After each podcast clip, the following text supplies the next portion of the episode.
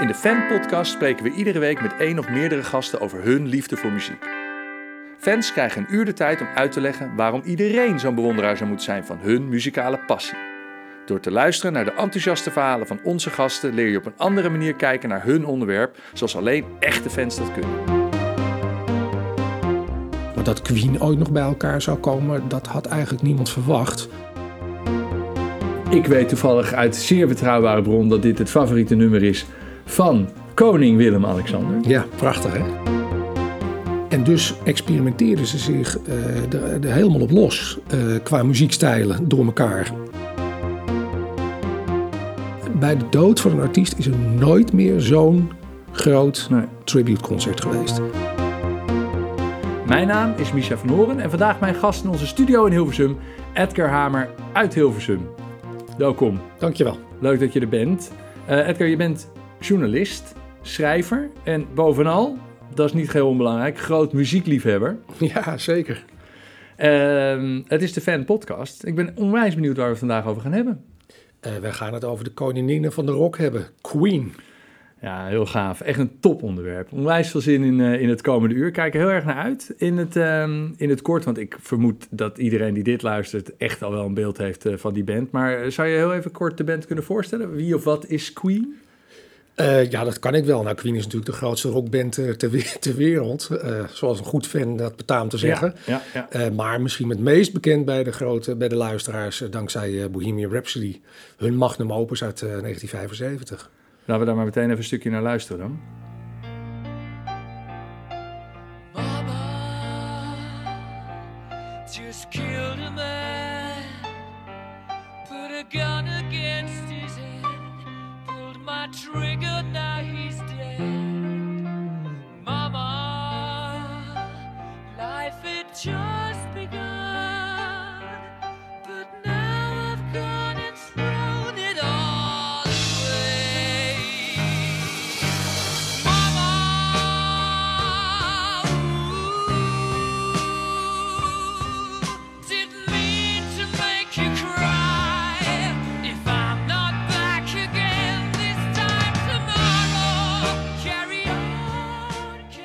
Er is feitelijk geen goed moment om dit nummer stop te zetten, maar het duurt onwaarschijnlijk lang. Het is inderdaad een mooi woord is dat, een magnus opus.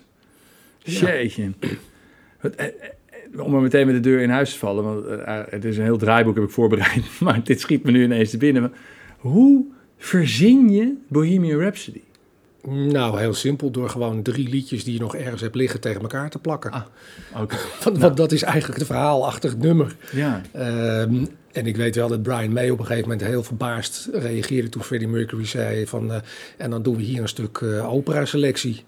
Ja, dat was natuurlijk heel raar, want de band was eigenlijk een, een, een, een rockband. En eh, Freddie die eh, besloot ineens dat er een stukje opera in moest.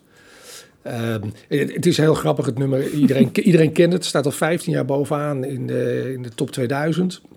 En het grappige is, er zijn ook heel veel Nederlandse eh, versies overigens gemaakt op, op de tekst van Bohemian Rhapsody. Variërend van Bulimia Rhapsody, Ah. ooit gemaakt door Roy Rinus en Pedaalemmer. nou, Eh, de Groningen Rhapsody over de aardbevingen. Eh, de- de- de- op de een of andere manier vinden Nederlanders het een fantastisch mooi lied. En ik snap het ook wel, want het heeft ook iets met eh, het jaareinde te maken. Hè. Dat, dankzij die top 2000 vinden wij eigenlijk, dat moet je uitluiden met Bohemian Rhapsody. Dat hoort erbij. Dat is als, Ja, cha- nee, als en dat- cham- en dat- champagne en oliebollen. En ik vind het ook een hele vette track en ik stem er ook op. Maar waar het ik, ik zit gewoon iedere keer opnieuw als ik dit hoor. Dan denk ik, het is allemaal zo logisch als je het luistert. Maar het is tot, stel dat het er niet is en je moet dat verzinnen. je, nou, dan doen we hier een stukje opera. Dat Ja. zou wel een goed idee kunnen zijn. Dat vind ik Nee, gewoon briljant bedacht. het, het nummer was natuurlijk totaal niet logisch, eigenlijk. Eh, zeker niet voor die Welke tijd. tijd is het? 19... 1975, 75. duurt 5 minuten 55. Dat is natuurlijk eigenlijk al een beetje raar. Eh, zeker toen ze het op single wilden uitbrengen. Dat wilde de platenmaatschappij ook absoluut niet. En toen dachten de, de mannen van Queen, want die zijn best eigenwijs in dit soort dingen. eh, ja, krijgen het rambam. Die hebben een bevriende DJ ingeschakeld, Kenny, Kenny Everett. En die heeft het nummer, ik geloof, vier, vijf keer achter elkaar op de BBC gedraaid. En daar kwamen zoveel reacties op los. Het konden ze niet anders meer. Dus, Nee, dus nee, de platenmaatschappij moest het wel uitbrengen. En dat was dus 1975, want eh, eh, eh, volgens mij is de band opgericht in 1970, hè? Toch Ja, eigenlijk februari 1971. Toen is John Deacon erbij gekomen als, als bassist. Dus dat was eigenlijk de bezetting met John Deacon, Brian May, Roger Taylor, Freddie Mercury. Dat is de, dat is de, de, de beroemde bezetting. Dat is de beroemde En bezetting. dan even voor de, voor de, voor de, voor de statistieken, Freddie Mercury dan eh, op, op, op zang en, en piano. piano, gitaar ook eh, wel. Dus- maar, maar dan ja. akoestisch. Ja, oké. En Brian May, de, de beroemde lead-gitarist met, Zeker. met al eh, 100 jaar hetzelfde kapsel en nu een ander kleurtje. Ja, Eh, Roger Taylor op drums ja, en ook zang. hè. en ook zang. De, ja, de microfoon eh, erbij. Ja. En eh, John Deacon dan dus op bas. Ja. Oké, en want, want de, zo zijn ze niet begonnen, toch? Nee, ze zijn eigenlijk in 1969 69 begonnen. Eh, je had toen een eh, eh, Tim Steffel, eh, heette die man. Eh hij studeerde aan een, kunstacademie in Londen. Eh, en die eh, is een bandje begonnen samen met eh, Brian May eh, en met Roger Taylor. Dus daar, had twee van de vier waren er toen al bij. En eigenlijk toen ze net een beetje op doorbreken stonden, toen zei die Tim Steffel, nou ik geloof het eigenlijk wel. Eh, Freddie Mercury was een vriendje van hem. Die was ook al diverse malen komen kijken bij optredens. En toen heeft Tim eigenlijk gezegd, weet je, je moet eens naar, eh naar Farouk Bulzara, want zo heette hij toen dan nog eh, officieel. Dat is de officiële benaming van Freddie Mercury. Hij is geboren als Farouka Bulsara. Ja, ja. In Zanzibar. in Zanzibar. Ja. Ja. Eh, later eh, naar India gegaan met zijn ouders en vervolgens naar Engeland. Eh, en zo is hij daar nou ja, eigenlijk met die Tim Steffel in aanraking gekomen. En die zei, "Hey, je moet eens met die, met die Farouk gaan praten of die niet wil, met Freddy. En, Maar dat was zijn bijnaam. Noemde hij zichzelf Freddy? Of waarom, waarom? Nee, ik denk dat dat te maken heeft gehad met dat Farouk in, in Engeland niet een hele makkelijke naam was in, in die jaren. Dat hij zich toen gewoon Freddy is gaan noemen. Ja. En Mercury is eigenlijk pas gekomen eh, toen hij bij Queen kwam. Hè. Toen heeft hij zijn naam omgedoopt, want hij heette zeg maar eigenlijk Freddy Bulzara in eerste instantie. Ja, daar verkoop je geen platen mee. Nee, en of ja, Freddie Mercury, ik weet niet of hij zich gerealiseerd heeft dat hij daarmee wel heel veel platen zou verkopen. ja, ja. Bizar. Dus, eh, ja. Het is een, ehm, eh, een band dus opgericht in, in, ehm, in begin jaren 70 in Londen, Engeland. In totaal 15 studioalbums, 7 live albums, 2 EP's, 10 DVD's, meerdere verzamelalbums en tientallen singles uitgebracht. ja, Eh, eh, wat je net al zei, Bohemian Rhapsody, hun magnus opus, eh, die stond in ieder geval al 15 keer op 1 in de top 2000. Dus we hebben de complete historie van de top 2000 st- staan ze in de top 2. ja, klopt. En eh Ja. 15 keer daarvan zelfs in de top 1. Eh, op de eerste plaats. Ze staan sinds 2001 in de Rock and Roll Hall of Fame. Ja. En mochten mensen nou naar aanleiding van het gesprek wat wij nu hebben denken... ik wil dit zien, dat kan. 27 juni samen met Adam Lambert, de zanger nu... Hè, eh, staan ze in de Ahoy in Rotterdam. Ja, ik zou zeggen, ga kijken, want het is, Ja. het is een fantastische show. Ja, en, en ik zeg specifiek Adam Lambert, want eh, ja, goed, wat de meeste mensen misschien zullen weten, maar misschien ook wel niet. Eh, Freddie Mercury overleden op 24 november 1991 Ja. ja. aan AIDS. Zwarte dag voor de, hist- voor de popgeschiedenis. Ja, want kan, kan jij je nog herinneren, eh, los van waar je was, en dat, dat, dat, ik geloof best dat dat, dat dat op zichzelf staat moment is, maar wat ik er heel bijzonder aan vond, is dat wij wisten, officie- wij, men in Nederland, wij wisten niet dat hij AIDS had. Het is niet algemeen bekende informatie volgens Nee, dat heeft hij altijd eh, bewust achtergehouden. Ja. Eh, hij heeft ook niet meteen de bandleden geïnformeerd. Daar heeft hij ook wel heel even mee gewacht. Eh, en heeft ook gezegd van luister, dit, dit mag niet de rest van onze carrière en mijn leven beïnvloeden. Dus ik wil het zoveel mogelijk binnenskamers houden. Ja. En dat is hem heel erg goed gelukt. Er zijn wel berichten verschenen op een gegeven moment hoor, in de pers. Er zijn ook foto's gemaakt door eh, de, de krant News of the World, hoe toepasselijk. Ehm, waarin ze suggereerden van hij heeft waarschijnlijk aids. Maar was toen ook best wel een onbekende ziekte. Hè? De, de, eerste, nou zeg maar echt bekende eh, artiest, acteur die overleed aan aids was Rock Hudson. Dat was in 1985. Toen kwam het eigenlijk een beetje pas Ja. opzetten, die bekendheid rond die ziekte. Eh, terwijl Freddie eigenlijk al eh, na 86, eh, hij heeft het in 87 gehoord te horen gekregen. En toen heeft hij ook gezegd, ik ga dus ook niet meer optreden. En dat is ook de reden waarom 86 de laatste live optredens zijn geweest. En hij heeft het eigenlijk tot de dag voor zijn dood, voor de grote menigte, heeft hij het verborgen weten te Ja, houden. en, en, en, en precies dat is dus mijn, mijn punt. Ik snap dan niet waarom hij het eerst zeg maar openbaar maakt. Want ik weet nog dat ik dacht, oh wauw, hij heeft gewoon aids. Ja. Twee dagen later was hij dood. Ja, een dag later Ja, zelfs. dus, hier, hij, dus hij brengt het nieuws, het is voorpagina nieuws, iedereen Ja. is in de war en een dag later overlijdt hij. Ja. Ik, ik heb geen idee waarom hij toen heeft besloten om eh, het wel via een persbericht naar buiten Ja, te doen. een soort van gek. Ja, misschien om de wereld erop voor te bereiden. Dat klinkt misschien ook een beetje pathetisch. Maar aan de andere kant... Kijk, ze wist natuurlijk dat Mercury niet lang meer te leven had op dat moment. Ehm, en er gaan ook wel verhalen op. En ik kan ze niet staven hoor. Maar eh, er gaan wel verhalen rond dat de platenmaatschappij ook hiervan op de hoogte was. En een voldoende voorraad aan, eh, aan albums had gedrukt. Om Ja. ervoor te zorgen dat als hij zou overlijden, dat de winkels gevuld zouden zijn. Want ze wisten dat er een eh, stormloop op Queen-materiaal zou komen. Ehm, ja, en alles misschien in, in, ja, in voorbereiding. Het, het is, eh, Ja. Maar, hij, was natuurlijk ook wel een ontzettend grote artiest op dat moment. Nee, daarom. Dus daarom zeg ik van, kijk, als je het Dus- dan toch geheim houdt, hou het dan zeg maar geheim. Of breng het eh, eh, ruim, ruim van tevoren. Ja. Hè? Kijk, bij Michael Jackson was het een schok. Ja, met David Bowie ook. Ja, uit het niets bij Prince, uit het niets. Ja. En hij heeft gewoon vijf jaar, zes jaar naartoe geleefd. Ja. Wat vreselijk moet zijn geweest om dat in alle eenzaamheid te doen. Ja, aan de andere kant kon je het natuurlijk wel een beetje zien. Hè? Want als je goed keek naar eh, het album Innuendo, naar de clips die daarvan werden opgenomen. eh, Zwanenzang. eh. hij zag natuurlijk, het was echt een zwanenzang. Ja. Hij zag er echt heel, nou ja, naar woord, maar toch wel uitgemergeld uit. ja. Ehm, Nou, komen we later nog even Dus- uitgebreid op te spreken, want ik weet allemaal wat er al gaat komen. En dan Ja. eh, wordt dit onderwerp ongetwijfeld nog eh, extra aangesneden.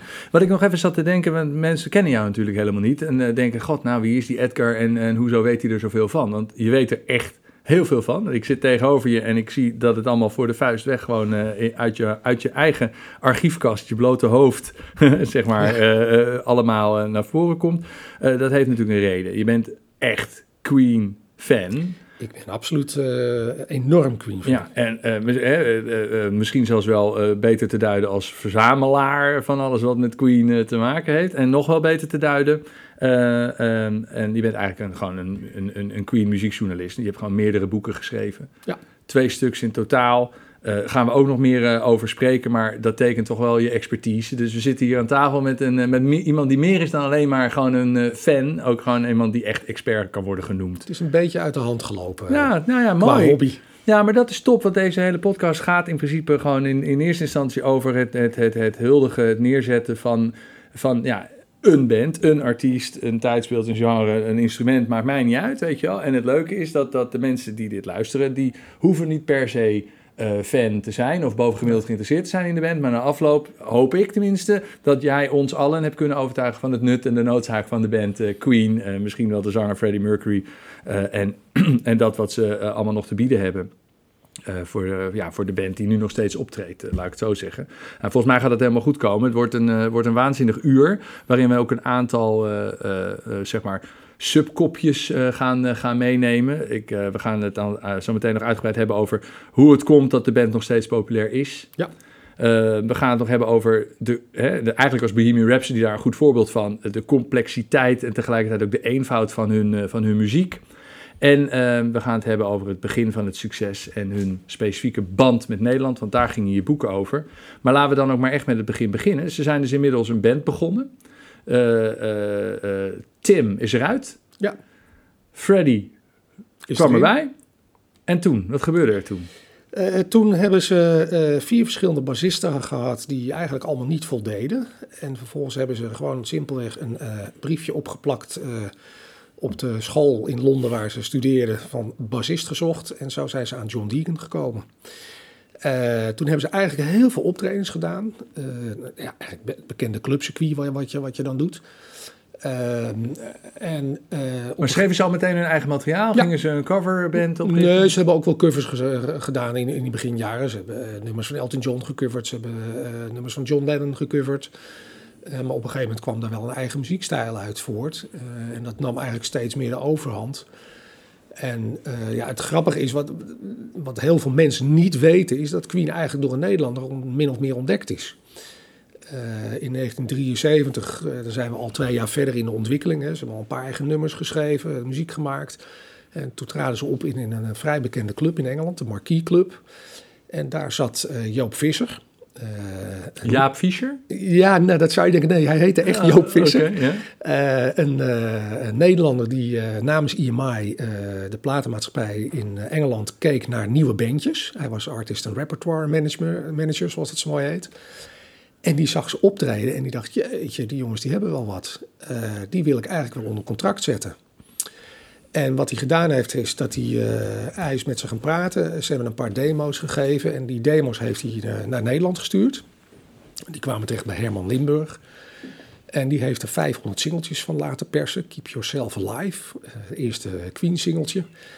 En die is dat gaan rond uitdelen bij, bij DJ's om maar eens even te kijken of dat zou aanslaan. En uiteindelijk haalde dat liedje de tipparade.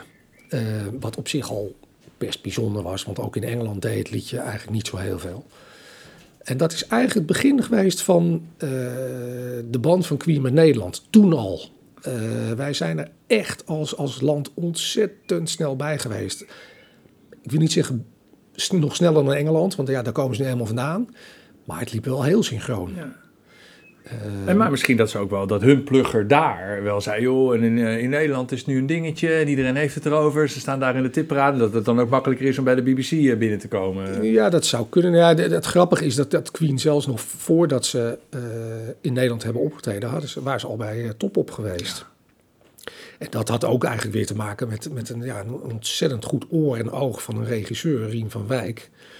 Die hield eh, zijn, zijn collega's Top of the Pops heel erg goed in de gaten, het Britse eh, popprogramma. En die zag ze daar een keer optreden en dacht, die, ja, die Queen die moet ik naar Nederland halen. Eh, ze traden erop met Killer Queen. En hij heeft... Eh, eerste eigenlijk echte hit, toch? Dus ja, een beetje de doorbraak. Ja, ja, eh, dat, dat was toen natuurlijk nog helemaal geen hit. Nee, maar hij zag ze alleen optreden daar. Hij heeft ze vervolgens aangeschreven via het management. En ze naar Nederland gehaald. En dan praten we al, eh, eh, nou ja, anderhalf jaartje later ongeveer. Een jaar, anderhalf jaar later. Het is 22 november 1974. En eh, ja, hij krijgt het zover om van Londen naar Amsterdam te reizen. Eh, en om vervolgens eh, twee keer een playback show te doen. eh, want dat was het. Ja, dat is tv. In, Ja. in, in de over, eh, NOS Studio 6 hier op, in Hilversum, wat ook frappant was, want het is, eh, dat weten niet veel mensen, maar Ad Visser was natuurlijk de presentator van Avro Stop Op. En dit is dus het enige optreden wat hij dus echt niet gezien heeft. Ad Visser kon niet op dat moment. Ze moesten ook uitwijken. Normaal werd Top Op opgenomen in het Bellevue Theater in Amsterdam. Nu moesten ze naar Hilversum. En Ad Visser kon daardoor niet. En die heeft er nog steeds ontzettend veel spijt van dat hij dat optreden niet heeft bijgewoond. Bizar. En hij heeft mooie anekdotes te vertellen, maar deze dus niet. Nee, nee, die kan hij niet vertellen. Nee. En het leuke is ook wel, want er zijn foto's van eh, dat Queen op Nederland landt, eh, op Amsterdam, op Schiphol. Eh, ja, en dat is echt helemaal in de beginjaren eh, niks. eh, mensen die voor de band zorgt. Er lopen geen bodyguards rond. Ze landen op gate A7 op Schiphol. Ze dragen allemaal hun eigen koffertje. Ze lopen op hoge plateauzolen. Eh, en ze stappen in een limo. En eh gaasjes, eh, no way. Eh, ik weet niet wat je nu moet betalen voor ze, maar dat zal een behoorlijk bedrag zijn. Maar de AVRO kwam destijds weg met een eh, contractje eh, voor 1810 gulden, als ik het eh, goed heb. En dat verwacht ik dat je dat goed hebt. Ja. Als je het zo uit de voor de vuist weg kan En dat, en dat zijn dan vijf retourtickets Londen-Amsterdam. Ja, maar goed, dat vind ik, nog, vind ik nog veel. Want ik zou me kunnen voorstellen dat het gewoon zegt dat de lokale, weet ik veel, plaatsmaatschappij of, of de landelijke IMI, dat die gewoon zeggen, joh, dat is promo. We Ja. investeren 1800 euro of een gulden en eh, we verkopen vervolgens... eh, Nou ja, 1800 gulden was natuurlijk destijds ook best veel geld, Ja. denk ik, als, ik het, als je het zo omrekent. Maar, Maar eh, samenvattend, even, even voor mijn gevoel. Dus er is in Engeland een Nederlander genaamd Joop Visser. Die, Ja. die ziet die band. Hij werkt voor IMI. Het is zijn werk om, eh, om eh, talenten te scouten. Hij ziet dus op een heel vroeg stadium al... dit, is, dit, dit wordt iets. Dit zou iets kunnen worden. Het is natuurlijk makkelijk lullen achteraf. Hè? Want hij heeft misschien Ja, wel zeker. 40 bands get- getipt... die niks hebben opgeleverd. Maar goed, Queen heeft hij dan op zijn palmares staan. Wat een... Dat lijkt, me, dat lijkt me toch fijn als je Joop Visser kunt zijn. Eh, vervolgens hebben we de regisseur van het, eh, van het nou, toch wel legendarische programma Top Op. eh, eh, die ze naar Nederland haalt, echt. Die dus ook echt aan de, aan de, aan de, aan de oorsprong heeft gestaan van, het, van, het, van de landelijke bekendheid hier in Nederland. En dat was allemaal een beetje in dezelfde tijd dat ze dus in Engeland, of misschien overal in de wereld, ook een beetje aan hun fame werkten? Of was dat is... Nee, dat was echt met name Engeland en Nederland die het voortouw daarin namen. En het- kijk, Queen heeft daardoor een ontzettende warme band met Nederland gekregen. En dat heeft ook te maken met de fans. Die hebben ze echt vanaf dag één, hebben de fans de band in de armen eh, gesloten. Eh, ik, ik zeg wel eens, eh, het, het is een soort tweerichtingen verkeer. Hè? Eh, Je moet als fan eh, moet je buigen voor de muzikant, maar ik vind ook dat je als muzikant moet buigen voor de fan. En dat is wel iets wat Queen vanaf dag één ook met die Nederlandse fans gedaan heeft. En hoe uitte dat dan zich? Hoe uitte Ze hebben ze altijd overal bij, bij betrokken. Ehm, als de fans iets leuks deden, dan antwoordde Queen dat. Eh, ehm, ja, ik, ik kan er heel veel voorbeelden Ja, van geven. doe maar. Eh, Dat vind ik geweldig. nou ja, Wij om- weten om- dat allemaal om, niet. Om een voorbeeld te geven, eh, Bicycle Race, iedereen kent dat eh, nummer. Ehm, de, eh, de clip, de videoclip kent iedereen ook natuurlijk, met die naakte, Naakte, dames ja. op, op de fiets, wat op zich al een Vrij grappig verhaal is. controversieel. Eh, heel controversieel toen, eh, opgenomen in, in Wembley Stadion. Eh, hoofdsponsor was overigens Halfords, die leverde de fietsen eh, voor het evenement. En toen ze uiteindelijk na afloop begrepen waarvoor het geweest was, weigerden ze om de fietsen weer terug te nemen. Ja, die hoefden ze niet meer. Want ze zeiden, ja, die hoeven we niet meer. Nee. En uiteindelijk is er als compromis, zijn ze eruit gekomen, fietsen gingen terug, behalve de zadels. dit, dit even, even terzijde. Dit even terzijde, met een kleine anekdote over Bicycle Race. Ehm, wat de fans deden was, je hebt dat mooie intermezzo met dat belletje. En dus spraken alle fans af, wij nemen allemaal een bel mee tijdens het concert. En op het moment dat dat intermezzo komt, gaan wij allemaal met een bel rinkelen in, het, eh, in de Ahoy toen. Ehm, ja, dat was iets wat Queen totaal niet verwachtte natuurlijk. Dus eh, zij speelden verder en vervolgens gingen er eh, duizenden gingen, met een bel rinkelen. Toen hebben ze ook even stilgelegd. Toen heeft Freddie ook gezegd van, nou, laat allemaal horen. En ze waren compleet verrast. Ehm, dat is een van de manieren waarop de fans de band altijd een beetje heeft nou ja, ontmoet, zal ik maar zeggen. Ze, ze zijn tegemoet gekomen. Fat Bottom Girls, dan stonden er ineens fans eh, met eh, eh, plastic billen achter op hun billen. En dan draaiden ze zich om als het nummer begon. Ehm, maar er zijn heel veel voorbeelden waarbij de fans ook door de bandleden zijn meegenomen. Als ze moesten ontbijten, nodigden ze de fans uit om te winkelen. Eh, is- ze hebben echt de Queen fans vanaf dag één in, in het hart gesloten. Dat is, dus, dat, is, dat, is, dat is vast niet. Ik bedoel, in die tijd was het natuurlijk wel ietsje anders dan nu. Hè? Ik vraag me af of je überhaupt een bel meekrijgt, eh, de Ahoy in eh, zometeen. Eh, nee, dat hebben het vorig jaar weer geprobeerd in de Ziggo Dome. En het grappige is dat we bij de deuren, daar stond al een aanplakbiljetje met geen fietsbellen toegestaan. Nee, Het nee. kan niet meer tegenwoordig. Nee. Toen konden nog heel veel. Ja, precies. Maar toen kon het ook nog. Toen kon je misschien nog wel dichter bij de band komen. Journalisten konden dichter bij de band Ja, komen. Dus- zeker. maar Wat je eigenlijk omschrijft is een, is een, is een vorm van humor. Ja, ze hadden heel veel humor. En, en ik, dat vind ik volgens mij heel specifiek Ja. voor die band. En misschien meer nog wel Freddie Mercury, met alle respect aan de rest van de leden. Maar ik heb eigenlijk helemaal geen idee. Misschien is dat Nee, ze hebben, nou, ik moet zeggen, ze hebben eigenlijk allemaal, allemaal wel humor. Maar het, het uit zich ook gewoon in grappige dingen. Eh, als, als We Are The Champions werd gespeeld, gooiden de fans rozen eh, op het podium. En Freddie Mercury pakte vervolgens bij Killer Queen een champagneglas en toastte op de fans. Dus het, het, was een tweerichtingsverkeer eh, wat er ontstond. En het grappige is, ik denk altijd, het, misschien is het ook wel zo voorbestemd, want in 1974 woonde Freddie Mercury aan Holland Road in, eh, in Londen. Dus hoe mooi kan je het hebben? Ehm, en ja, dat, dat antwoord is altijd teruggekomen. De band heeft ze ook uitgenodigd bij eh, videoclips. De fans, als die werden opgenomen, denk aan Radio Gaga, denk aan Friends Will Be Friends. Dan ging er een mailtje uit vanuit de Queen fanclub van jongens, wij zoeken figuranten. Welke fans willen ons alsjeblieft helpen? Een mailing, denk ik dan, toch? Of Een was het mailing. niet, eh, ging Nee, het- ja, oké. het, ging, het ging toen nog Maar inderdaad goed, ja, er werd een, een, stencil eh, gefaxt. En, Ja. eh, ja. En dan kwamen de fans en die eh, mochten meedoen in Ja, de ja. videoclip. Dat En dat werd, was wel een internationale videoclip, die dus overal in de wereld zien we dezelfde videoclip. En dat zijn dus Nederlanders. Daar zitten Nederlanders tussen. Ja, En dat is dus, waarom hebben we het er nou zo lang over? Want dat is denk ik wel belangrijk om even te snappen. Is dat jij hebt op een gegeven moment bedacht, ergens along the way, van dit is eigenlijk een op zichzelf staande niche. Dit onderwerp, Queen en Nederland, Ja. is een op zichzelf staande een, een, een, een, soort, een soort item waar zou ik wel eens een boek over kunnen schrijven. Sterker nog, daar heb je twee boeken over geschreven. Want eh, er ligt er hier eentje voor me. Je zei het net zelf, anderhalve kilo Ja. aan, eh, aan, eh, aan Queen content. Nou, dat is, het is overigens een fantastisch boek om te zien. Zeer mooi vormgegeven. Complimenten daarvoor. Ehm, kan je eens uitleggen, waar gaan die boeken over? Die boeken gaan echt over, over die warme band waar ik het net over heb Ja. gehad tussen Queen en, en Nederland. Ehm, nou ja, ik, ik ben zelf Queen-fan vanaf, eh, mijn, eh, vanaf 1975 eigenlijk, vanaf Bohemian Rhapsody. En dat was voor mij echt de eye-opener. Ik eh, haalde de plaat bij mijn vader uit de kast, zette die op en ben eigenlijk vanaf dat moment ja, dedicated Queen-fan geworden. En vooral toen mijn vader me in 1977 meenam naar, naar mijn eerste Queen-concert. Ik was toen tien. Begrijp nog steeds niet hoe hij dat in zijn hoofd heeft kunnen halen om een jochie van tien mee te nemen naar Ahoy. Maar ik ben hem er eeuwig dankbaar voor. Eh, en dat was verpletterend. Eh, ik, ik zat daar maar tussen 10.000 mensen en dan die magnesiumbommen en dat geluid en die band en die stem van Mercury en het gitaarspel van May. Dat was echt overdonderend eh, voor mij als jochie. En ik ben vervolgens eigenlijk alles gaan verzamelen wat ik kon verzamelen. Dat heb ik heel lang gedaan. Eh, totdat je ouder wordt en dan krijg je een baan en dan vergeet je wat je eigenlijk allemaal op zolder hebt staan.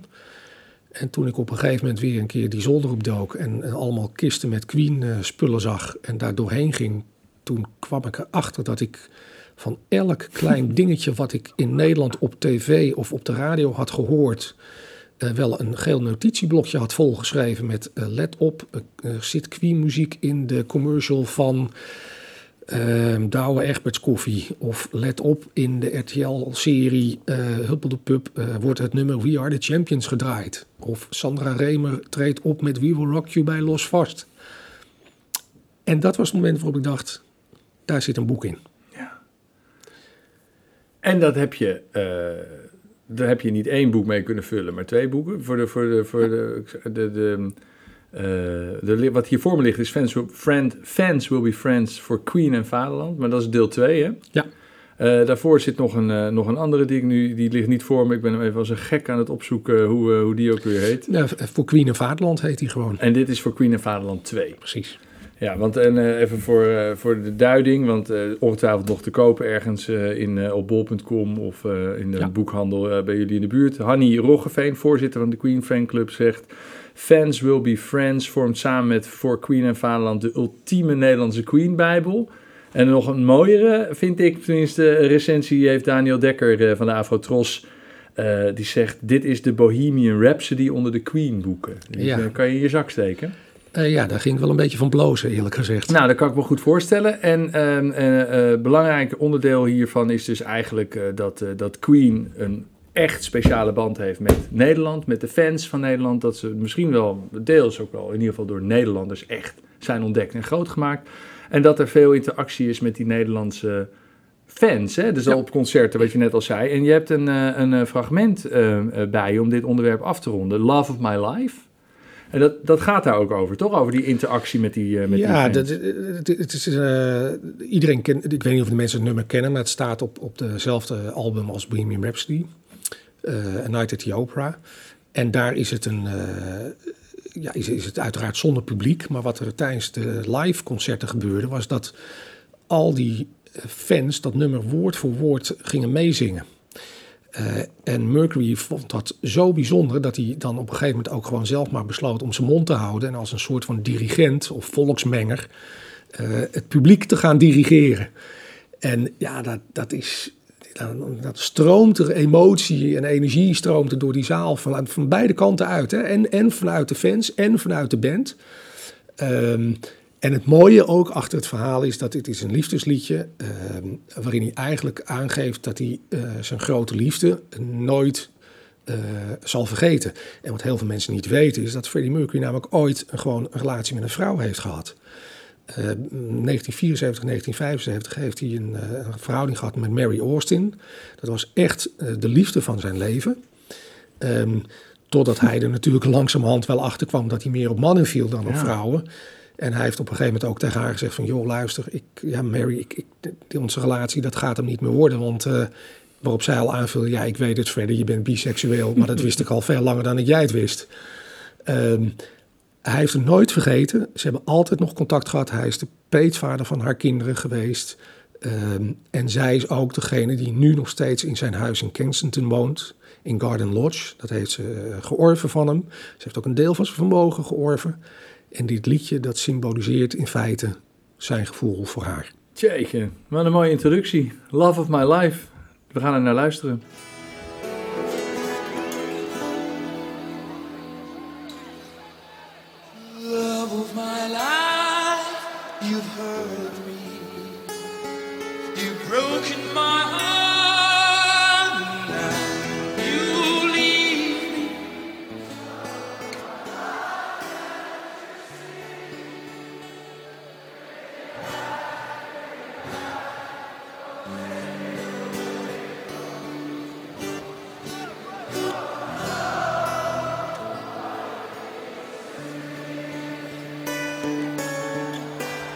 Moet ook eigenlijk de beelden erbij eh, bij zien. Wat we altijd, eh, wat we altijd doen eh, bij het artikel behorende bij de aankondiging van deze podcast, zetten we de fragmenten die we gebruiken, zetten we altijd onder, het, onder het tekstje. Dus mocht je dit horen en denken, shit, hoe zouden die beelden eruit zien? Ga even naar de website wespeakmusic.tv, wespeakmusic.tv en dan zetten wij deze YouTube-clip van, van Queen erachter, eronder.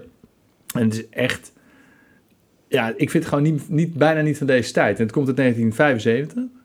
Ja, deze opname is denk ik iets later, Ja, ze- die- eh, 77, Maar goed, het live is. a long maar- time ago. Ja, ja. En, en, en hij, hij speelt dus stadions plat. En hij, sorry, de band, Queen, speelt dus stadions plat. En dat is, dat is echt ongeëvenaard. Want er zijn niet zo heel veel acts nu nog die dat op die manier kunnen. Nee, nee, nee. Hij, ja, Freddie Mercury is natuurlijk een heel bijzonder persoon. Een eh, heel introvert eh, karakter eigenlijk. Hè. Eh, dulde ook niet heel veel mensen om zich heen in zijn privéleven.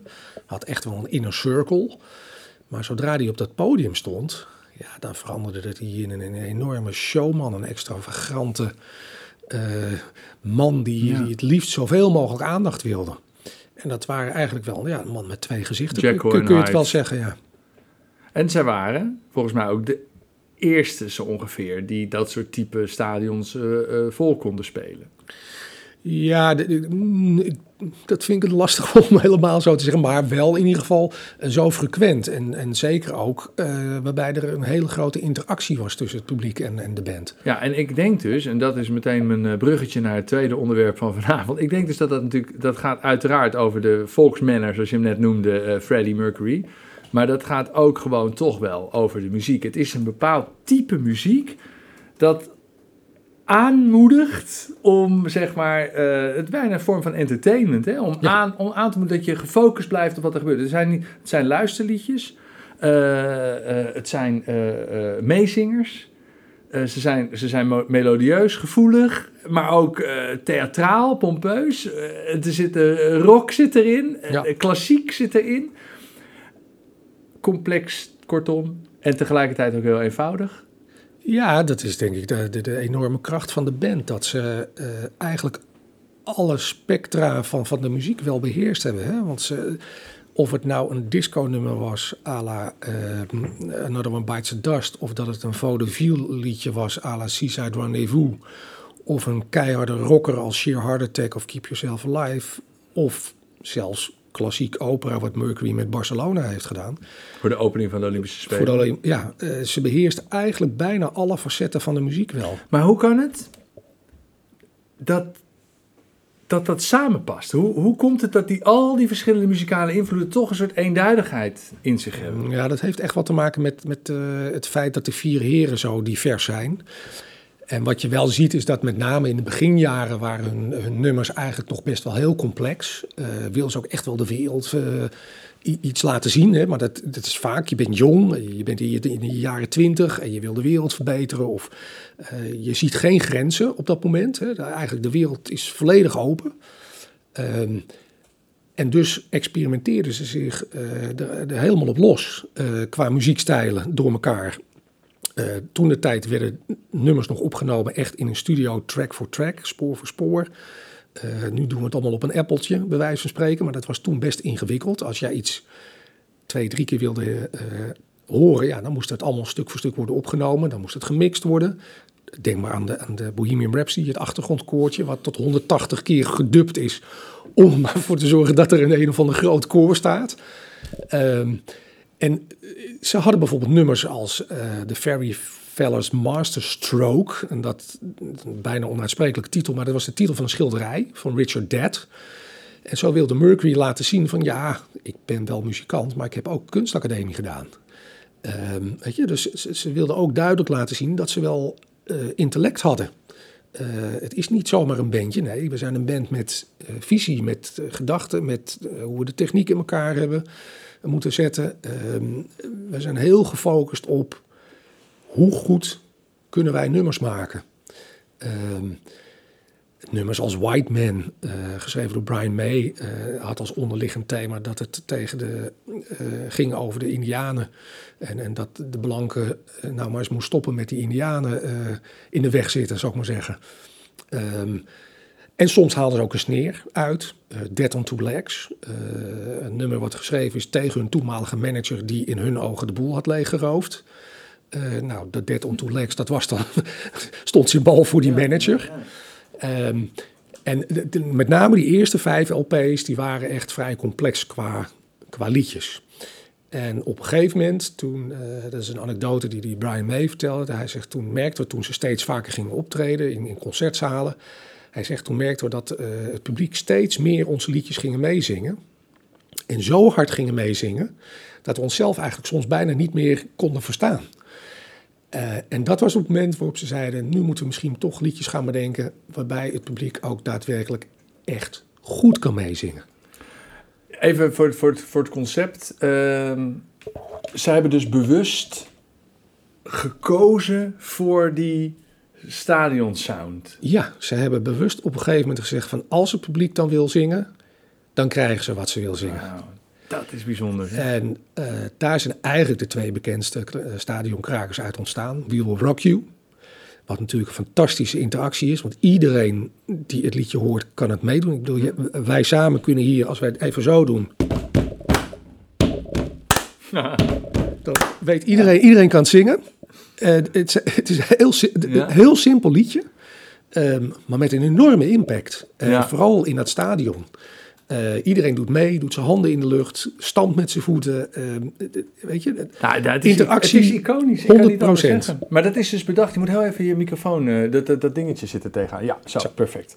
Nee, eh, de- de- wat ik zo bizar vind, wat ik, dat ik het fenomenaal vind, eh daar kunnen we nog, hè, dat is, dat, het is echt vette muziek, laat ik Ja. eerlijk zijn. maar tegelijkertijd, dat, het- dat ze dat specifiek hebben bedacht om, eh, om die interactie te zoeken en om die stadion sound, zeg maar, echt, nou, dat vind ik. Ja. En dan ook nog er zo goed in slagen. Ja, en ze hebben het ook wel volgehouden. Hè? Want, eh, nou ja, We Are The Champions kennen we ook allemaal. Eh, is natuurlijk ook echt, echt geschreven voor een stadion. Ehm, maar later ook Radio Gaga. Eh, iedereen kent de clip. Armen gaan in de lucht. Iedereen klapt mee. Ze hebben wel meerdere van dit soort nummers gemaakt om, om dat publiek er steeds bij te betrekken. Is, is, als je de band zou omschrijven, het is dus een band met eh, veel performance statuur. Hè? Dus deels ook wel eh, Freddie Mercury, maar eh, die Brian May, dat was toch ook wel een behoorlijke... Hè? Eh, ze maken dus inhoudelijk goede nummers. Je had het er net over, ben je, ben je bijna maatschappelijk geëngageerd. Ja. De textueel klopt het. Het, het, is, het is poëzie vaak. De teksten zijn echt mooi. Eh, en het zit dus muzikaal gezien supergoed in elkaar. Volgens mij, ik weet, zijn, is het een voorbeeld voor veel bands? Zijn er, zijn er acts van nu die Oh, zeggen, ja. joh, eh, dankzij Queen ben ik... Ja, hoor, er zijn le legio bands eh, die, die zeggen dat ze geïnspireerd zijn door Queen. Coldplay voor een deel, The Darkness, Adam Lambert natuurlijk. Ja.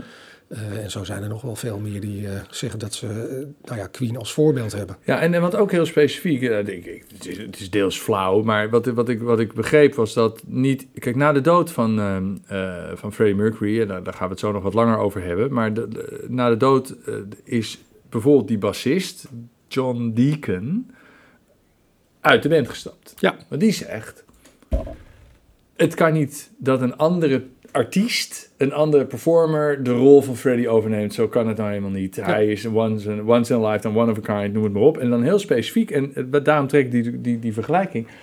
eh, noemt hij eh, een, een, een optreden van Brian May en, en overige leden met Robbie Williams. Ja.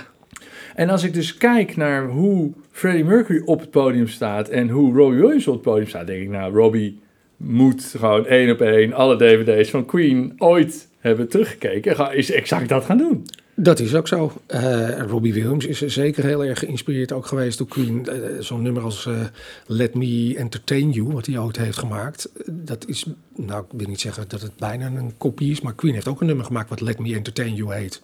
En daar zitten wel degelijk wat overlappingen in. Ehm, dus ja, nee, er zijn veel meer mensen die geïnspireerd zijn geraakt door die jongens. Ehm, ja, kijk, het, succes van de band is, heeft echt te maken met het feit dat het vier rasmuzikanten zijn geweest. Die ook alle vier heel goed nummers konden schrijven. Eh, John Deacon heeft dat in de beginjaren niet echt gedaan. Die is dat pas later gaan doen. Eh, en ze hebben allemaal hun eigen stijl. Hè? Freddie Mercury kun je, zeg maar, nou, dat is de klassiek geschoolde eh, pianist. Eh, houdt van klassiek opera en ook nog de popkant. Eh, Brian May is meer van de bluesrock. Uh, Roger Taylor is van de, van de nou ja, zeg maar een beetje de, de recht toe recht aan rock. Eh, en eh, John Deacon is meer van de funky groove. en ja, soms komt dat allemaal samen. Eh, Another One Bites the Dust is door John Deacon geschreven. Eh, heel duidelijk. Eh, zijn signatuur met het basloopje van eh, Chic wat erin zit, Good Times. Eh, eh, ja, dat overigens wel de eerste nummer 1 is voor Queen in Amerika. Wat denk ik toch wel, een beetje grappig is. Dat zo'n disco-nummer dan wel tot nummer 1 scoort, maar andere niet. Ja, in de tijdgeest misschien. En de tijdgeest, zeker. Want dat was jaren 80. Ja. Toen was, eh, was disco, Disco heel, populair. heel, heel populair. Heel populair. Maar bizar dat ze daarvoor dus niet zo, eh, nog niet waren doorgebroken in de States. Dat had ik misschien...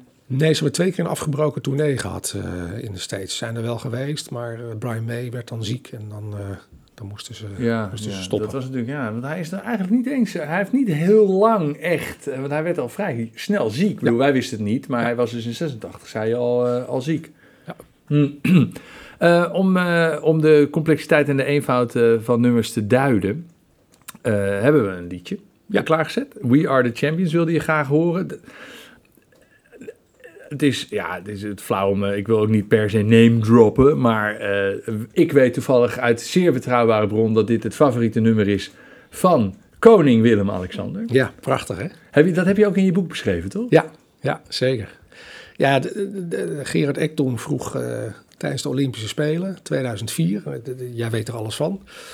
Eh, Ja, even voor de, voor, de, voor de duidelijkheid. Ik was in die tijd zijn assistent, zijn producer van het radioprogramma Arbeidsvitamine. We waren eh, eh, eh, eh, bij de Olympische Spelen in Athene om daar een week lang eh, uitzending te maken. eh, eh, en en eh, voor een goed doel. eh, om om, om eh, bewustwording eh, te genereren rondom een eh, bepaald onderwerp. Nou goed, dat geldt tezijde. En een van de krenten in de pap van die, eh, van die periode was dat we echt wel uniek, voor ons in ieder geval, een ontmoeting konden krijgen met, eh, met toen nog kroonprins Willem-Alexander eh, in het eh, Hilton Hotel in Athene, omdat hij de, hij zat toen in, bij het ehm, eh, IOC. IOC. Hij, was, hij was daar lid. En, en, en, en in, in dat item, hè, dat noemden wij de naamplaat, en was dus altijd iemand van naam en die vroeg dan zijn favoriete plaat aan en dus ook Willem-Alexander. En toen met on, we hebben alle vragen moesten worden doorgestuurd naar de RVD en weet ik veel, alles was helemaal strak georganiseerd. En we hadden nog niet gehoord wat zijn Favo-plaat zou zijn. En ik weet nog, want het is duizend jaar geleden, hè, 2004. En ik weet nog dat we echt dachten, nou ja, wat? Want het is een best moeilijke vraag als je Willem-Alexander bent. Want iedereen weet dat alles wat hij zegt wordt op een weegschaal gelegd. En eh, welke band kies je? Gaat hij voor een nationaal product of juist niet? En wie wel en wie... Hè? Dus dat lijkt me best aan pittig. En toen kwamen ze dus op We Are The Champions van Queen. Queen vond ik gewoon humor. Toen, Ja. toen stalde hij mijn hart. Toen dacht ik, nou, dat heeft hij dus echt humor. En We Are The Champions is natuurlijk eh, sportief gezien een goed thema. ja, nee, Om ik- tijdens de Olympische Spelen te duiden. toen ik het hoorde, want ik, ik luisterde naar de radio op dat moment, toen sprong ik echt een gat in de lucht. Want ik dacht, jeetje, hoe mooi kun je het hebben. De kroonprins vindt We Are The Champions van Queen het ultieme lied voor op de Olympische Spelen. Zei, hè? En het sluit ook zo mooi aan, want het We Are Champions is eigenlijk wel een beetje een soort tweede vaderlands, eh, tweede, tweede, tweede Wilhelmus geworden eh, in Nederland. Iedereen kan het meezingen eh, als er een inhuldiging is, of het nou van het voetbalelftal, het hockeyelftal of dus de, de, schaatsen zijn, dan wordt het wel gedraaid. Een soort tweede, ja. Nou, ik vind in ieder geval een, een, een, een nummer wat... En, en misschien weet jij het wel beter dan ik, maar... Kijk, wij, omdat het We Are The Champions heet... en we er op de een of andere manier een soort sportieve connotatie aan hebben gekoppeld... Ja. lijkt het alsof het geschreven is om eh, eh, sport... Hè, in de breedste zin van het woord gewoon eh, te eren. ja, maar dat is het niet. Nee, nou, dat vind ik dus Nee, zo grappig nee. gedaan. Nee, de- de- kijk, het verhaal achter het lied is eigenlijk heel grappig. Want het, het is eigenlijk in het verlengde van We Will Rock You. Dus ook juist bedoeld geschreven voor die fans om te kunnen participeren. Om het publiek het gevoel te geven dat niet alleen de band een kampioen is, maar dat vooral zij de kampioenen zijn. En er zit een, een ondertoon in, en dat is een sneer. Eh, Queen heeft het in die beginjaren van hun carrière echt heel lastig gehad in Engeland. De Britse pers die was lang niet maar altijd even mals over de band. En eh, Mercury die vond dit natuurlijk een geweldig idee om nog eventjes zelf, zichzelf dan maar op de troon te zetten. We are the champions, ten overstaan van die zure Britse pers.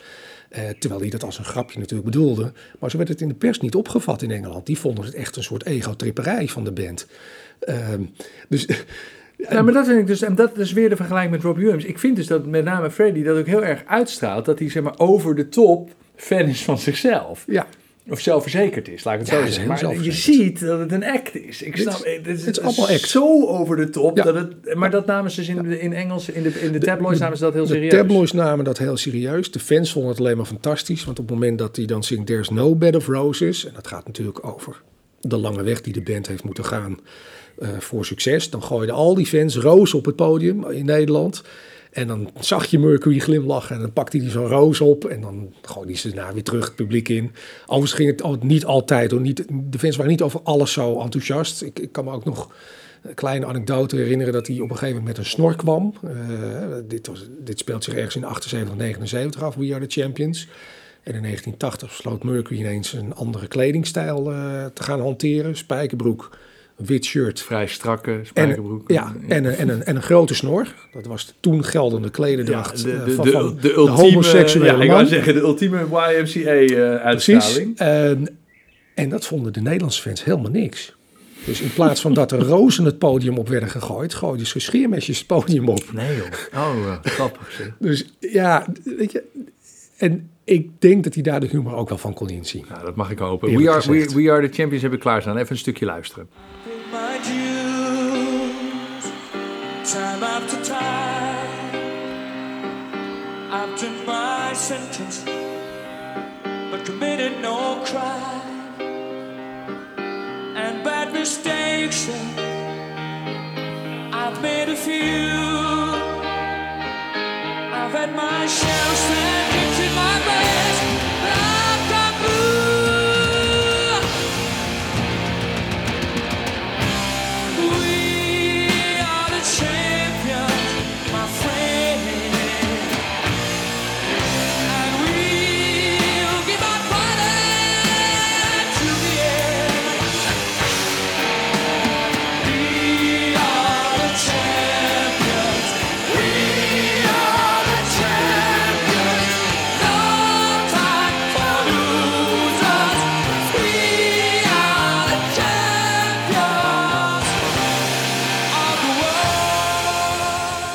Deels dus ook als sneer naar de Britse tabloid. Het komt van het album News of the World. Is dat dan eh, toeval? Dat het album ook Ik zo... denk, eh, denk niet dat dat toeval is, nee. Want dat is wel echt een behoorlijke fuck you. eh. Ja, gelukkig ja. bestaat het nu niet meer. Maar goed, Nou ja, wat je hoort hier ook weer. Dit is een ultieme vorm van het creëren van saamhorigheid. Hè? Tussen de band en, en de fans dit. Zij zorgt ervoor dat die, dat die fans echt volledig worden opgenomen door de wat- muziek van de band en, en vice versa. wat ik bijzonder vind is dat het, het, het bij mij ook heel erg het gevoel van in de kroeg soort dronken van geluk, je vrienden Ja. omarmen en dan Ja. in een soort super saamhorigheid, zoals jij het net omschrijft, eh, dit nummer keihard meezingen. Ja. Daar heb ik eigenlijk zin in vanavond. Maar, maar- maar dat is het. Eh, jij zei net van Mercury, hè? die die is eh, ja, eigenlijk larger than life. hè. Vind ik. Nee, maar dat, dat, is, dat is de act die hij die, die doet. Of, of misschien is het niet eens een act, want dat zit in hem. Hè. Het is gewoon een showman, puur zang. eh, als hij onstage is. Of stage is een ander verhaal, zoals ik vertelde. Ehm, hij heeft ook altijd geroepen, luister, I won't be a rockstar, I will be a legend. Eh, heel erg overtuigd van zichzelf dat hij echt wereldberoemd gaat worden. En ehm, hij had ook best wel een hele uitgekiende strategie. Als je helemaal terug gaat naar het begin, waar we het eh, over hadden, eh, aan het begin van deze podcast, in 73. Eh, je had een nummer dat heette Now I'm Here. En het gaat zo, Now I'm Here, Now I'm There. En wat deden ze dan on stage? Hij had dat helemaal uitgedacht als verrassing richting het publiek. De zaal werd helemaal donker. Hij zong Now I'm Here. Dan zat hij in een spotlight links op het podium. Dan was er even een pauze. In die pauze maakte hij er gebruik van om als een speer naar de andere kant te hollen. Dan hoorde je Now I'm There. en dan stond hij in de spotlight aan de rechterkant. En dat soort verrassingseffecten op het podium, ja, dat werd helemaal wel uitgedacht. Ehm, Mercury had een halve microfoonstandaard. Alle bands in 73, jaren 70, die stonden achter een complete microfoonstandaard. En hij zei, dat wil ik niet, want ik wil kunnen lopen op het podium. Ik wil kunnen bewegen. Ik wil interactie kunnen eh, creëren met fans. Dus haalde ze gewoon die hele voet van die microfoonstandaard af. En liep hij met een halve microfoonstandaard. Liep hij bewegelijk als een ballerina, want hij, hij was ook een groot fan van, van ballet. Ja. Kon hij zich als een ballerina over het podium begeven. Ook dat is nageaapt door eh, Robbie Williams en ook eigenlijk door Axl Rose, bedenk ik me nou ineens. Ja. Maar, en dat is dan eh, eh, het laatste onderwerp wat ik vanavond graag met je wil bespreken. Freddy op zichzelf staand als, front, als frontman is buiten categorie. I get that. Ja. Dan gaat Freddy dood. En toch is er aanstaande 27 juni in Rotterdam, in de Ahoy, een optreden van Queen. Ja, En dat is ook gewoon druk bezocht. En dat is het zoveelste optreden dat ze doen eh, dit jaar. eh, eh, in Nederland bedoel ik. Het volgt op eindeloos veel Queen eh, eh, momenten die we hebben gehad de afgelopen jaren. Dus ook blijkbaar zonder Freddie Mercury bestaat die band gewoon nog. Ja, en dat had eigenlijk niemand verwacht. Sterker nog, ik denk wel dat op zich voor heel veel mensen geldt... Queen zonder Freddie is geen Queen meer. Ehm, ik moet zeggen dat de band dat ook wel begrepen heeft. Want ze treden op als Queen plus eh, Adam Lambert. Of Nu in Queen dit geval plus Adam Lambert, Paul ja. Rodgers. Wat even voor mijn gevoel, dus dat is, dat is ze snappen dat ze dus de, de, de, de Queen members snappen dat ze eh, eh, toch een, een beetje de begeleidingsband waren van de frontman Freddie Mercury. En nu die er niet meer is, dan hou je nog wel de band, maar niet meer. Je kan niet Adam Ja. Lambert als Freddie Mercury in roosteren. Nee, nou, ik, ik zou niet helemaal zeggen dat ze de begeleidingsband van Freddy waren. Want die, ze hadden eigenlijk alle drie, alle vier wel evenveel in, in de melk te brokkelen. Ik denk dat de som der delen altijd groter is geweest dan eh, Maar dat, weet, i- dat, apart. dat zal niet iedereen zich realiseren. Dus nee, dat denk ik zegt. wel. Want als je. eh, wat heel veel mensen bijvoorbeeld niet weten, is dat al die achtergrondkoortjes. die worden met name gedomineerd door de stemmen van eh, Roger Taylor. die een hele hoge piepstemmetje heeft. Wat overal bovenuit komt. Maar wat, wat je eigenlijk pas gaat horen als je echt heel goed naar de muziek Wat luistert. knap is als je aan het drummen bent. Om Dat doet hij er even naast, ja. ja, En, ja. en als je echt naar de nummers luistert en je hoort het hoog stemmetje, dan denk je ineens van, verrek, dat is die drummer. En dat realiseer je vaak niet. Het gitaarspel van Brian May is natuurlijk ongeëvenaard. Dus ik denk wel dat ze eh, met z'n vieren was het een ongelooflijk sterk collectief. En toen Mercury wegviel, toen hield je in feite, ook omdat Deegan ermee stopte, hield je natuurlijk eigenlijk nog maar twee man over. En die twee, dat waren toevallig allebei eh, de mannen die eh, de rockkant van de band eh, vertegenwoordigden. En dat zie je ook als ze later gaan toeren met Paul Rodgers. Ze kozen echt een rockzanger. Terwijl iedereen had gehoopt dat George Michael namelijk de nieuwe Queen-zanger zou worden. Tijdens het tribute concert in, in Wembley in 1992. Toen was iedereen het erover eens dat George Michael degene was die daar de sterren van de hemel zong. En het dichtst bij Mercury in de buurt kon komen. En stilletjes hoopte iedereen, oh, als dat nou de nieuwe zanger wordt. Ja. Dat werd het helaas niet. Nee.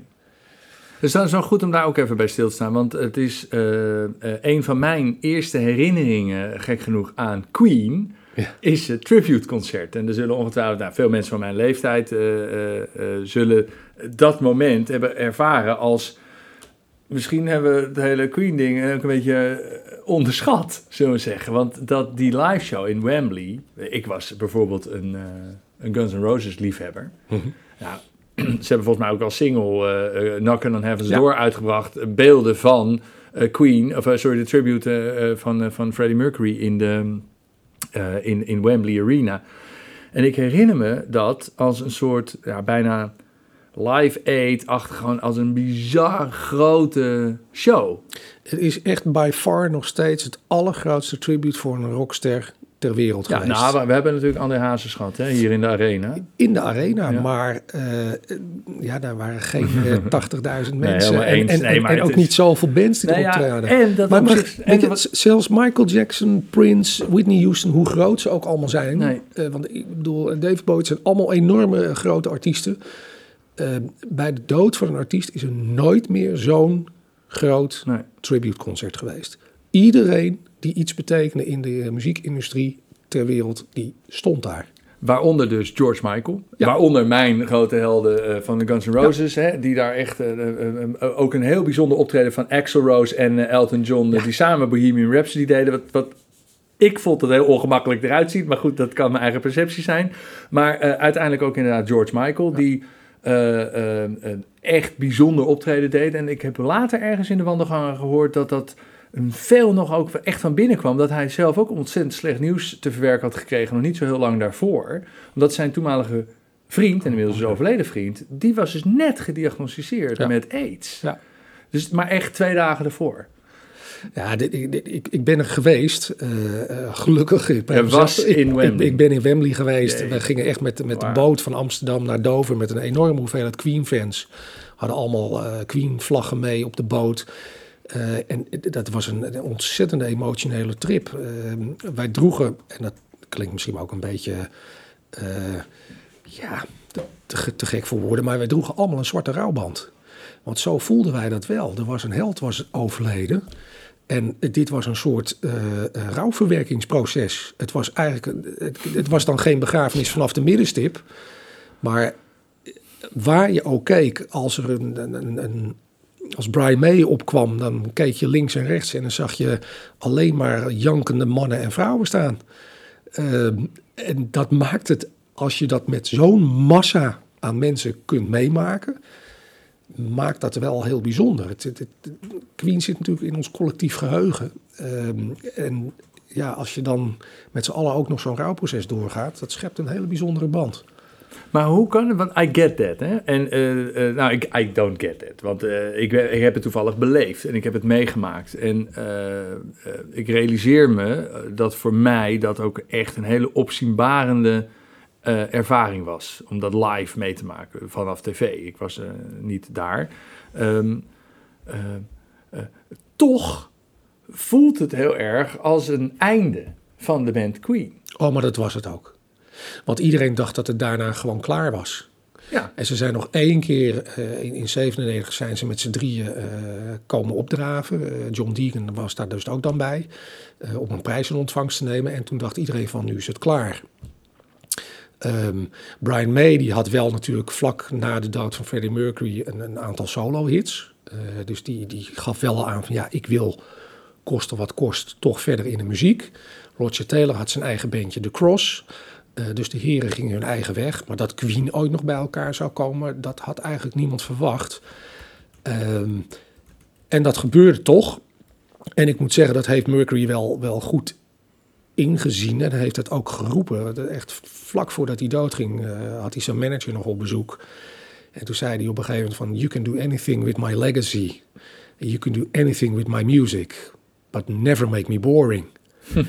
en heel eerlijk gezegd, saai is het na zijn dood ook niet geworden. Gelukkig. Eh, Nee, want ze hebben, ze hebben eh, het is een vrij commerciële club, moet ik heel eerlijk eh, zeggen. Maar ze hebben eh, eh, eh, eh, 3D-experiences uitgebracht. Ze hebben een, een, een We Will Rock You musical eh, gedaan. Ze hebben inderdaad solo-projecten gedaan en ik kan nog wel even zo doorgaan. Het is, het ik, ik las toevallig op een eh, vrij relevant eh, muziekblog dat Brian May inmiddels al astroloog is, is geworden daarnaast. Ja. Dus echt super actieve band gebleven. Ze hebben meerdere frontmen gecast. Eh, die, die hun eh, muziek. Ze hebben nooit nieuwe muziek uitgebracht. Ik denk overigens. dat Eén dat- keer. Één keer. Was Ze dat een succes? Nee, dat was geen succes. Ze hebben al een, een cd met Paul Rodgers gemaakt. Ja, omdat ze denk ik de behoefte voelden. Maar ik, Ja, ik denk dat is niet, gelukt. Ik denk niet dat geprobeerd. Queens, eh, Queen fans dat, dat, dat, dat, eh, enorm eh, Nee. goede plaat vonden. Nou, er komt binnenkort nog een film uit. Eh, Ja. de- de- dus kortom, het is een bezige band en, en, eh, en boring is het zeker niet geworden. En eh, tegelijkertijd heeft eh, eh, eh, Freddy, die natuurlijk best wel een, een, een grote, wat je net zei, legacy heeft achtergelaten, heeft wel zijn dood en ook een beetje aanvoelen komen. En, en er is een, een, een track die je mee hebt genomen, These are the Days of Our Lives. Ja. En wat ik er heel bijzonder aan vind, want zo heb ik er nog nooit naar gekeken. Terwijl het achteraf gezien wel een beetje stom is voor mij. Want ik dacht, ja, eh, ik bedoel, ik wist het niet hè, in die tijd dat hij dood zou gaan. Nee, dat wist niemand. Nee, dus, dus als je er nu naar kijkt, met de, met de kennis die we nu hebben, dan, dan, dan- ja, hij ziet er echt anders uit. Hij ziet er super slecht uit. Iedereen zag nu met de röntgenatering, hij was daar echt al wel heel erg, in ieder geval Ja. ongezond op zijn minst. Eh, kijk, alle nummers op Innuendo gaan eigenlijk over zijn naderende dood die hij heeft ja, geschreven. maar dat wisten we niet. Dat wisten we niet. De geruchten kwamen toen wel een beetje op gang. Innuendo betekent bijvoorbeeld, hè, dat is een geruchte, eh, staat dat woord voor. Die zo de Days of Lives gaat over hoe hij terugblikt op zijn leven. Er stond een liefdesliedje voor zijn twee katten op. eh Be, my, Be My Bijou. Ehm, eh, Ride, Ride Like the Wind. Het zijn allemaal wel mm, nou ja, titels van liedjes waar achteraf eh, zegt van... eh, eh, ja, dit is, dit is zijn manier om afscheid te nemen van, van, van het publiek. Ehm overigens hebben ze in 1995 nog een ander album uitgebracht met nog meer lost tracks. En er staat een liedje op dat heet Mother Love. Nou, dat, dat moeten mensen eigenlijk maar eigenlijk luisteren. Maar dat is bijna alsof hij zegt dat hij teruggaat naar de moederschoot. Waar je uit voort bent gekomen, zo keer je er ook naartoe terug.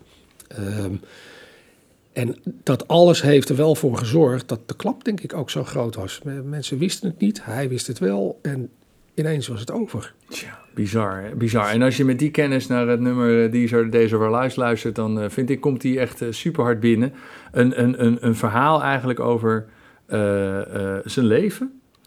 Een verhaal over zijn leven. Eh, Het mooie is, een kleine anekdote nog, in 2005 kwam Queen voor het eerst weer optreden in Nederland met Paul Rodgers als zanger. Eh, en toen speelden ze dit nummer. En toen projecteerden ze op de achtergrond projecteerden ze beelden uit een Queen-verleden van zeg maar begin jaren 70. Dus je zag hoe Freddie daar vrolijk door een Japanse tuin liep, want in Japan waren ze mega populair. eh, thee ging drinken met Japanse fans in sepia kleur. En vervolgens hoorde je die, nou ja, These are the days of our lives, de terugblik op hoe het ooit was en hoe het nooit meer zou zijn. Nee, een soort nostalgische, nostalgische vibe. Een stuk luisteren. When we were kids, when we were young, things seemed so perfect, you know. The days were endless, we were crazy, we were young. The sun was always shining, we just lived for fun. Sometimes it seems like lately, I just don't know. The rest of my life's been just a show.